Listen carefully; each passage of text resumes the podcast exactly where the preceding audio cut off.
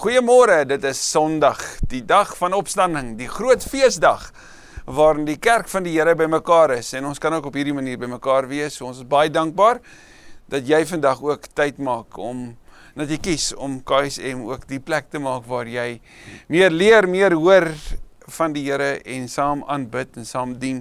Dit is eredienstyd, dit is tyd waarin ons eer bring aan die Here. Stefan is vanoggend aan die woord en ons is opgewonde om te hoor wat die Here vandag ook op sy hart geplaas het wat ons ook vandag moet hoor. Indien jy nie is by Kerk sonder mure, dalk het jy onlangs ingeskakel of dalk het jy toevallig vanoggend, en ons glo mos nie in toeval nie, hier ingeskakel en jy wil dalk meer weet van KSM. Jy's baie welkom om net by ons sosiale platforms in te skakel en jy gaan al die inligting daar kry wat jy nodig het. So baie baie dankie dat jy deel is van vanoggend se reis. Kom ons bid saam. Kom ons vra die Here om ook in hierdie tyd wat die wêreld homself in bevind, ook die klinkklare lewende hoop wat in Christus is, ook vanoggend weer opnuut vir ons oop te breek. Kom ons bid saam. Vader, ons Here, ons koning en ons God. Ons aanbid U.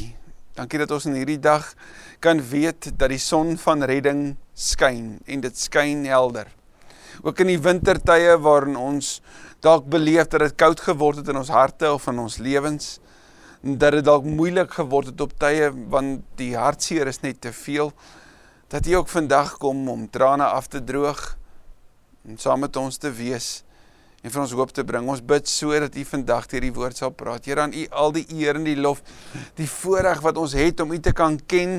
Ons kan nie genoeg daarvoor dankie sê nie. Ons het 'n verwagting dat U sal praat vanoggend. Ons het 'n verwagting dat U aan die woord sal kom. Daarom bid ons en pleit ons asseblief Here, praat met ons want ons is by mekaar en ons verluister. In Jesus se naam. Amen. Amen. Die dood het te populêr geword. Dit moes nie so gewees het nie. COVID het die dood populêr gemaak. Nie een van ons is onaangeraak nie. Vroer het die dood nie so volop gewees nie. Nou sê elk iemand een van my vriende, 'n familielid, het deurgeloop. Dalk het jy self mense aan die dood verloor. Dalk is jy een van die bevoorregtes wat kan sê ek het die virus geklop. En dit is nodig dat ons in 'n tyd soos hierdie gelowig moet nadink oor die dood, oor God en oor die lewe. Sodat ons getroos kan lewe en sterwe. Ja, ons almal het groot geword met daardie woorde van een van die belydenisskrifte. Maar dit lyk nie vir my of so baie gelowiges deesdae getroos lewe en getroos sterwe nie. Ons kort 'n beter teologie as jy wil van dood en lewe en God. Ons moet ophou met klisjées, die klisjé storieetjies van toe maar ehm um, sy lewensboek was vol. Sy streepie was getrek. Die Here het um, hulle nader geroep na hom toe. Of soos iemand gesê het, hy het nuwe blomme in die hemel nodig gehad. Ons kort beter nadenke. Ons kort 'n Bybelse verstaan van die dood. En ek het nou die dag ook omdat ek in hierdie afgelope tyd twee van my vriende aan die dood verloor het, myself moes forceer om na te dink oor die dood. En ek moet net nou pas nadat ek hierdie opname gemaak het, moet ek een van my boesemvriende van 25 jaar gaan begrawe. En ek weet klisjées werk nie. Dit help nie as iemand vir my sê toe maar jy sal later verstaan nie. Soos wat ek hoor baie mense sê as hulle in hierdie tyd geliefdes verloor. Wat sal dit jou help om later te verstaan? Wil ek altyd weet. En en en die ergste nog, toe maar jy sal weet in die lewe hierna hoekom jy hier geleef het. Ek wil nie eers doodgaan om te weet hoekom ek moes geleef het nie. Ek wil graag weet Waar is die Here en hoe tree hy op en wat moet ek leer? En daarom wil ek vandag weer 'n keer ook hier by KSM die soeklig laat val oor God, lewe en dood. Kom ek begin heel eerste en sê die dood is nie vir God 'n verleentheid nie.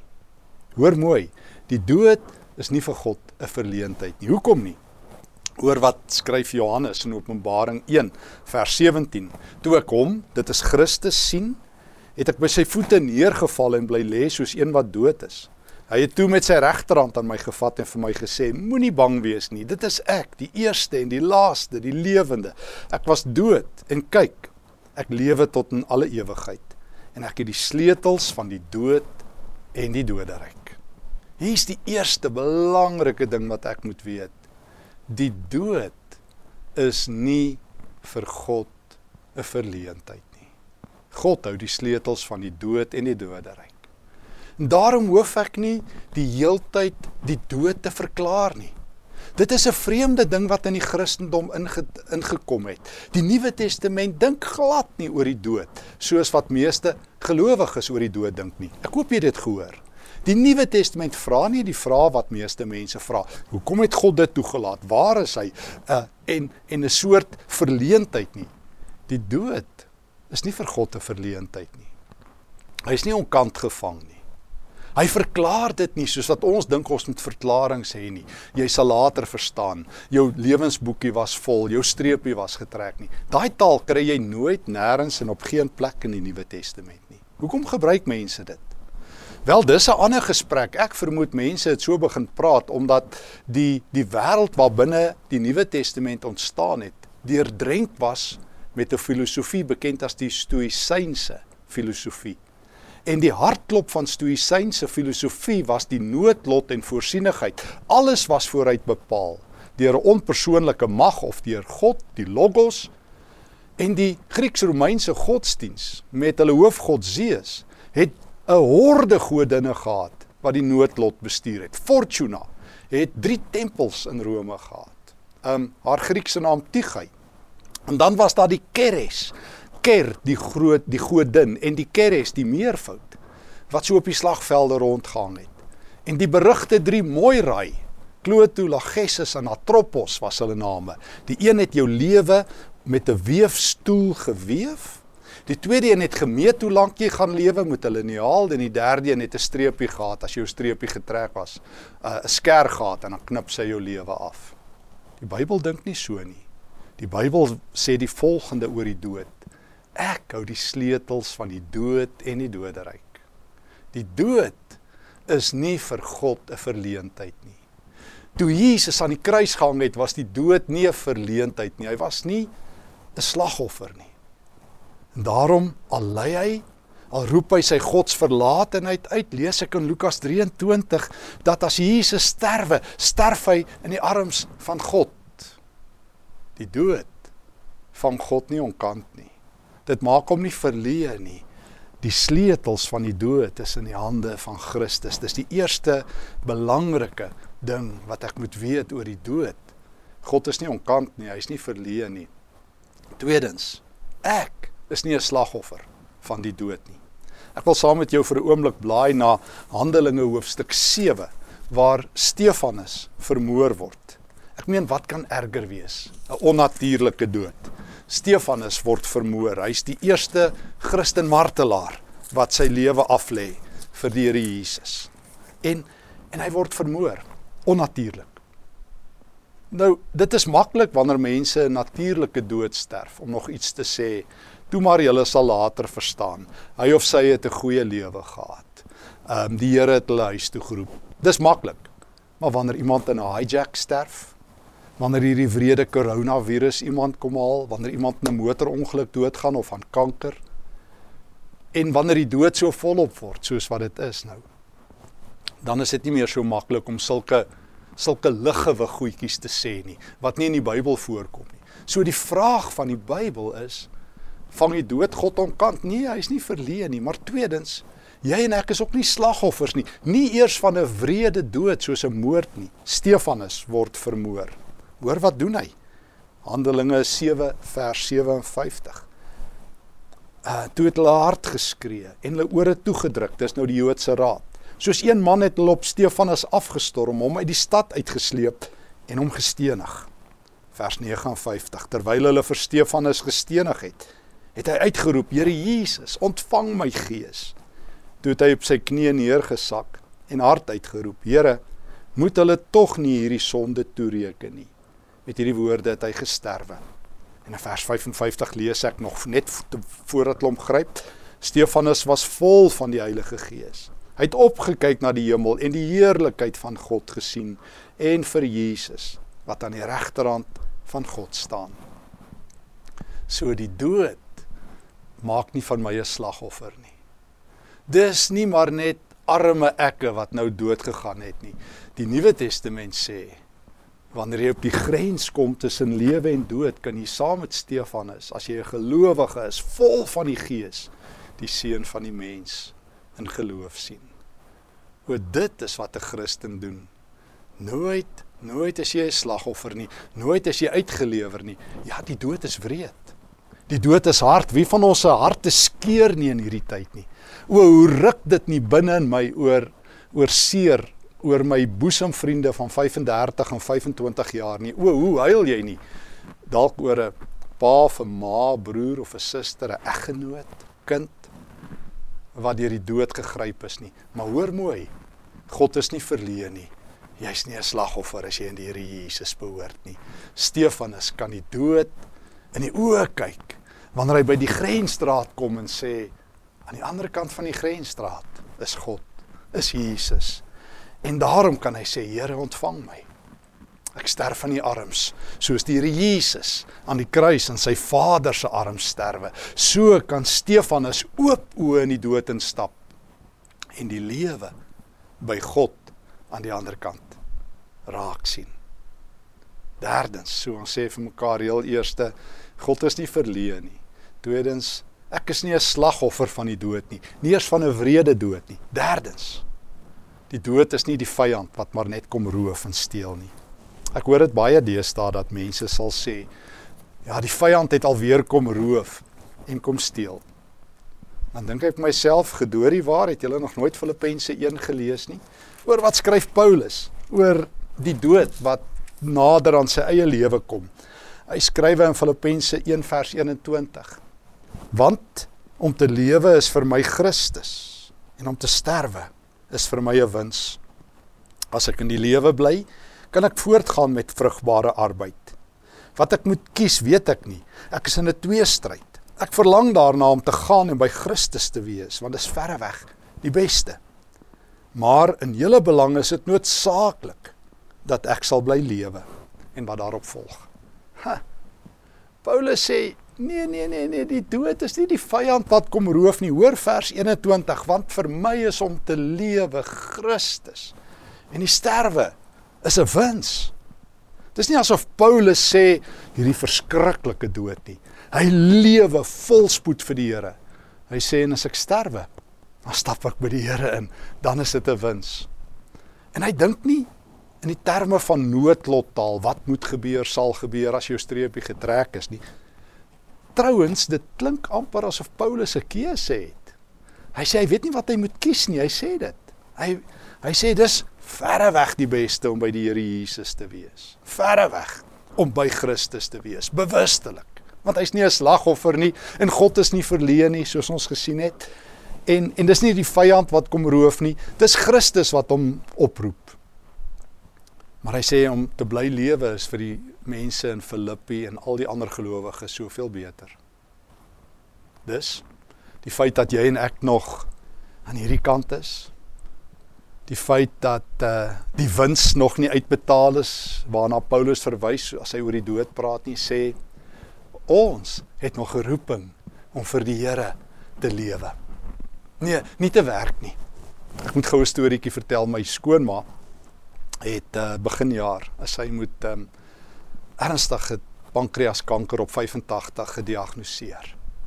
En daar was min tyd oor uh een van die profs by een van die universiteite wat haar ondersoek het en geopereer het, het gesê wedstrydpunt. Kry jou lewe in orde. Ons het 'n paar weke gehad. Sy was op morfine en alles. En uh toe onthou ek van een van ons ou vriende wat ook in die gemeente is, Eugene Pretorius, wat so 'n bietjie alternatiewe ehm um, medikasie doen en as dokter ook ehm um, die die behandelinge reg doen maar maar anders en ons het ouma gevat En binne 14 weke het haar lewe omgekeer. En is sy gesond. En uh toe sê ouma, dalk is haar werk vir die Here nog nie klaar nie. En toe sê ek nee ouma, wag, wag, wag, wag. Die Here Jesus het al die werkies klaar gemaak. Jy hoef nie nog iets vir hom te doen nie. Ek verstaan wat jy sê. Uh en en en wat jy moet doen met jou lewe terwyl jy leef is om hom te verheerlik. Dis hoe jy vir hom werk. Jy verheerlik hom. Jy jy jy bou in in ander mense se lewe. Om vir om te lewe is Christus, nie om te werk vir God nie. Daar's 'n klemverskil. Ek lewe vir Christus. Ek lewe volspoed. Ek sit my lewe in ses ratte. Ek wens nie my lewe om nie. Het juis geleer hoe kosbaar die lewe is. Dat die Here ook op 85 iemand se lewe verleng. Ja, ek het vriende verloor in hierdie tyd en 'n wonderlike skoonmoeder teruggekry. Ek weet nie om die dood te verklaar nie. Ek hoef nie. Ek hoef nie want dit bring my by die vierde punt, as en behalwe om die volgende vir mense te sê. Toe ek 'n jong ouetjie was, 'n jong dominee, het uh moes ek het ek gedink is ek eintlik deel van God se hoe verklaar 'n mens dit departement? Want ek moes altyd 'n gepaste teks, die regte antwoord en en 'n sinvolle woord by die dood hê. En ek het gehoor hoe mense sê toe maar julle sal later verstaan daar's 'n doel met alles. Dit was seker maar sy of haar tyd, hulle lewensboek was vol. En ek het geweet dis nie wat ek wil sê nie. En ek kon nie sulke soort antwoorde in die Nuwe Testament kry nie. En toe loop ek die goue antwoord van die Nuwe Testament raak. En dis die vierde belangrike punt wat ek met jou wil deel. Heel eerste die dood, onthou jy? Dis nie vir God 'n verleentheid nie. Tweedens, jy en ek is nie slagoffers van die dood nie. Derdens, dis nie die vyand wat kom roof nie, dit is Christus wat oorwinning gee, wat die dood in 'n wins verander. En tot ek daar aankom, leef ek volspoed vir die Here. Maar wat is die groot antwoord? Wat is die groot troos van die Nuwe Testament? O, daar kan geen groter troos wees nie. Die groot antwoord, die vraag wat ons moes vra, is nie hoekom het God dit toegelaat nie? Waar is hy? Hoekom is hierdie persoon dood en daardie persoon lewe nie? Die soort verwyte wat mense ook so baie kry, wat ek in die afgelope tyd ook so baie kry. Veral van nie gelowiges. Nou waar's God nou? So asof ek God moet probeer verdedig. Maar die vraag wat ons eintlik moet vra, hier kom hy. Romeine 8. Ehm um, wie kan ons van die liefde van God skei? Dis die groot vraag. Dis hoe 'n gelowige moet lewe. Kan dood of lewe my van Christus skei? Maar kom ons lees dit. Paulus sê in Romeine 8 vers 37. Jy ken dit. Maar in al hierdie dinge is ons meer as oorwinnaars deur hom wat vir ons liefhet. Dis nadat hy in vers 7 36 gesê het, daar staan immers geskrywe, dit is oor u dat die dood ons dag vir dag bedreig, dat ons so slagskape behandel word. Vers 37. Maar in al hierdie dinge is ons meer as oorwinnaars deur hom wat vir ons liefhet. Vers 38. Hiervan is ek oortuig, geen dood of lewe of engele of magte of teenswoordige of toekomstige dinge of kragte of hoogte of diepte of enige iets anders in die skepping kan ons van die liefde van God skei nie. Die liefde wat daar is in Christus Jesus ons Here. Hier's die vraag van die Nuwe Testament. Wat kan jou skei van God? Noem dit op. Hoe sê die jong mense bring it on. Nou noem Paulus alles op wat hy aan kan dink. Dood, lewe, engele, magte, kragte, hoogte, diepte, niks kan ons van God skei nie. Dis die troos. As jy vra hoe troos ek 'n geliefde wat iemand aan die dood verloor het? Hoe leef ek met hoop as die skade wees van die dood val? Ek vra die vraag: Kan dit my van God skei? Kan hierdie lyding my van God skei? Kan hierdie virus my van God skei? Nee, die virus is nie sterk genoeg nie. Die dood is nie sterk genoeg nie. Die duiwel is nie sterk genoeg nie. Hy het verloor. Jesus het die sleutels van die dood en die doderyk. En ek is nie 'n slagoffer nie. En ek is nie maar net uitgelewer nie. Ek is in die hande van God. En ek hoef nie die dood te verklaar nie as en behalwe om te weet niks kan my van God skei nie. O die Nuwe Testament dink relasioneel verhoudingsmatig. Meeste mense met, onder die invloed van al daai ou filosofieë wat ek genoem het, dink rasioneel. Uh, jy sal later verstaan, dis 'n rasionele kopantwoord. Die Nuwe Testament sê nee, dis 'n hartantwoord. Niks kan my van God se liefde skei nie. Dis my troos. Nie laat ek later sal verstaan en antwoorde sal kry en en vra het nie. O, jy mag vra, vra. Jy mag. Jy mag hartseer wees. Maar die antwoord is op die regte vraag. Niks kan my van die liefde van God skei nie. Dit is my troos. Dis my enigste troos dat Christus my vashou. Dat sy liefde deur niks, deur niks, waaragtig deur niks opgehef kan word nie. Hy het my lief. Sy liefde loop deur die kruis. Sy liefde loop deur die lewe. Sy liefde breek nie by die dood nie. Dis nie dat God dan sê, "Oeg, nou is ek verleen nie, jy moes nou nie dood gegaan het nie." Hy het die sleutels van die dood en die doodryk. En wanneer die virus of enige ander vorm van dood opdaag, is dit nie 'n verleentheid nie. En as jy nie 'n slagoffer nie. Ook dan, ook dan sê Paulus, Filippense 1, is die dood 'n wins kan jy die dood in die oë kyk en saam met Paulus in Korinte 15 uitroep: Dood, waar is jou angel? Dood, waar is daai seermaakhou wat jy slaan? Christus is daar. Wanneer ek opgeleef is, blaas hy nuwe lewe in my in. En daarom kan 'n Christen ook wat 'n geliefde verloor het met hoop lewe. Maar ons moet nog iets weet oor die dood. En ek wil dit saam met jou deel uit 2 Korintiërs 4 en so 'n stukkie in 2 Korintiërs 5 in. Moenie te tuis raak in hierdie wêreld nie. Moenie te tuis raak in hierdie wêreld nie. 2 Korintiërs 4 vers 16. Paulus skrywe: Om hierdie rede word ons nie moedeloos nie. Al is ons uiterlik besig om te vergaan, innerlik word ons van dag tot dag vernuwe. Ons swaar kry in hierdie lewe is maar gering en dit gaan verby. En dit loop vir ons uit op 'n heerlikheid wat alles verre weg oortref en wat ewig bly. Ons oog is nie op die sigbare dinge gerig nie, maar op die onsigbare. En die sigbare dinge is tydelik, maar die onsigbare ewig. 2 Korinte 5 vers 1. Ons weet dat wanneer ons aardse woning wat maar 'n tent is afgebreek word, ons 'n vaste gebou in die hemel het. Dit is 'n woning wat nie deur mense gemaak is nie, maar deur God en dit bly ewig staan terwyl ons in die tentwoning leef, sug ons want ons verlang daarna dat ons woning uit die hemel ons sal oordek en wat daarop volg. Paulus sê jy moet een ding weet, hierdie lewe gaan verby. Jy is nie vir altyd hier nie. Hier is jy 'n pelgrim. Jou burgerskap is in die hemel. Filippense 3 vers 20. Hier gaan jy op 'n dag 'n laaste asem uitblaas. Moenie jou tentpenne te diep inkap nie. 2 Korinte 5. Christus waarsku jou. Hy roep na jou. Hy pleit by jou. Hy sê Johannes 14, ek gaan plek berei. En as jou plek gereed is, nie as jou werk klaar is nie, as jou plek gereed is, gaan ek jou kom haal. Ek onthou my pa jare al dood aan kanker.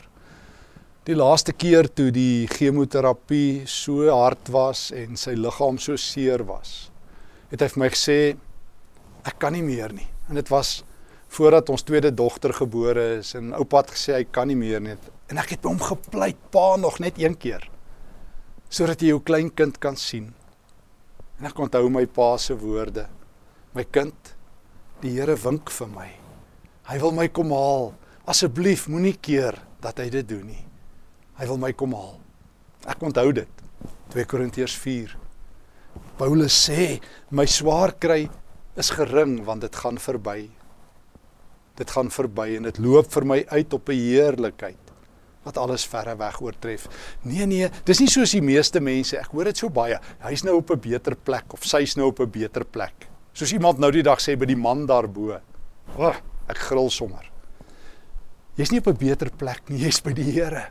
Die Here sê ek maak 'n heerlikheid vir jou gereed. Jy is gemaak vir die ewigheid. Jy is bestem vir my nuwe Jerusalem. Jy kan nie vir altyd op die aarde bly nie. Ek roep jou, ek wink jou, ek trek jou. 2 Timoteus 4 vers 6 tot 10. Stry die goeie stryd. Maar maar weet, daar wag 'n oorwinningskroon op jou. Hardloop jou wedren klaar. Hardloop volspoed. Hardloop, die Here Jesus sal jou vang met oop arms, sal hy jou inwag. Hy sal jou vang as jou lyf moeg en seer is, as die virus jou seer gemaak het as die lewe jou hart geslaan het, Christus sal jou vang. Hardloop vir hom. Oor die dood is volop, te volop. Maar God is oral. En daarom kan en moet 'n Christen anderster lewe. Ons sê vir mekaar saam met Openbaring 1. Die dood is nie 'n verleentheid vir God nie, hy het die sleutels. Jy is nie 'n slagoffer van die dood nie. Vra vir Stefanus, selfs al word hy vermoor, kan hy die Here Jesus in die geloof sien en hy sê op pad na hom toe. O, dis nie maar net die vyand wat kom roof nie. Paulus sê die dood is 'n wins vir 'n Christen. Daarom daarom is die groot vraag, die Romeine 8 vraag, kan enigiets enigiets my skei van God? Nie die virus nie, nie die dood nie, nie die lewe nie. Ek is op pad na die Here Jesus toe. En daarom daarom leef ek so dat my tentpenne nie te diep is nie. Want die Here Jesus soek my, hy roep my, hy's op pad, hy kom vir my, hy kom met die ewige lewe. Mag jy in hierdie tyd as die dood te naby aan jou liggaam en aan jou lyf en aan jou huis en aan jou vriendekring en familie gekom het, die troos van die Here beleef. Die Here wat sy hand op jou sit en sê, ek sal jou nooit los nie soos ek jou geliefdes nie gelos het nie. Mag jy getroos lewe en mag jy getroos sterwe mag die woorde en daarmee wil ek afsluit van Romeine 14 vir jou waar wees van die mooiste woorde wat ons uit die Nuwe Testament uiteindelik laat vergeet raak het. Paulus skryf in Romeine 14 vers 7 tot 9. Niemand van ons leef tog vir homself nie en niemand sterf vir homself nie. As ons lewe, leef ons tot eer van die Here. En as ons sterwe, sterf ons tot eer van die Here of ons dan lewe en of ons sterwe, ons behoort aan die Here. Hoor die woord van die Here. Amen. Dankie Here dat U ons gemaak het om te leef vir U, maar dat ons ook in die dood aan U behoort. Gee dat ons eervol vir U sal lewe en daardie dag wanneer U ons roep, ook sal sterwe. Dankie Here Jesus vir die troos dat die dood vir U bang is, dat U die sleutels hou dat niks ons van u kan skei nie dat ons op pad is na u dat daar vir ons plek is in die holte van u hand. Ons prys u ons Here Jesus. Amen